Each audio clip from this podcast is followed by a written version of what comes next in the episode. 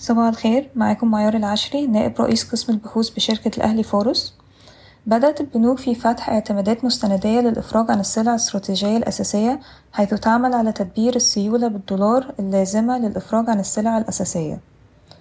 دعا وزير التموين النواب إلى تشكيل لجنة خاصة للنظر في التغييرات المحتملة في برنامج دعم الخبز في البلاد. تتطلع البورصة المصرية إلى جذب الاهتمام بالشركات المدرجة في جولة ترويجية إلى دبي وأبوظبي هذا الشهر.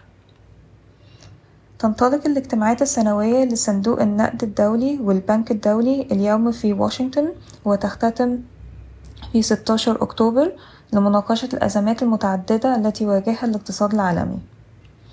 تقدم العديد من المستثمرين الدوليين وصناديق الاستثمار بعروض لشراء أسهم في فنادق مملوكة للشركة المصرية العامة للسياحة والفنادق. تتفاوض وزارة الكهرباء مع بنك التنمية الألماني لتمويل مشروع لتطوير توربينات توليد الطاقة من السد العالي بقيمة من المتوقع أن تتجاوز 600 مليون جنيه. تخطط OIH لاستثمار ما بين 200 و 300 مليون دولار لإنشاء أربع فنادق جديدة في مصر.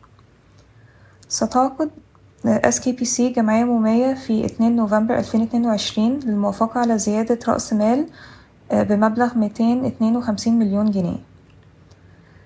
لم تتلقى بكين أي معلومات تتعلق بالأخبار أن جهاز قطر للاستثمار يدرس شراء حصة أغلبية في الشركة.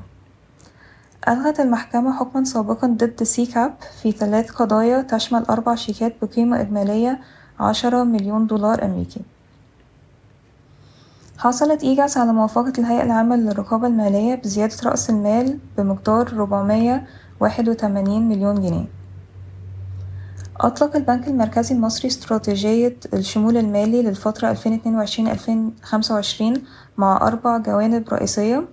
التعليم المالي والتنوع في منتجات non banking financial services خلق بيئة بيئة أعمال للشركات الصغيرة والمتوسطة والمؤسسات الصغيرة ورواد الأعمال والخدمات المالية الرقمية. تخطط باير لاستثمار 240 مليون جنيه في مصر خلال السنوات الثلاث المقبلة من خلال إعادة طرح خمس منتجات في السوق. من المقرر أن يناقش مجلس الشيوخ تعديلات على قانون البيئة والتي من شأنها أن تفرض رسوم صديقة للبيئة تتراوح بين ألف جنيه وخمسين ألف جنيه على السيارات الجديدة التي, تش... التي تعمل بالديزل والغاز. استحوذت الشركة الوطنية للسيارات على 33% من منصة خدمات السيارات الكهربائية للقطاع الخاص المحلي Electrified. شكرا ويوم سعيد.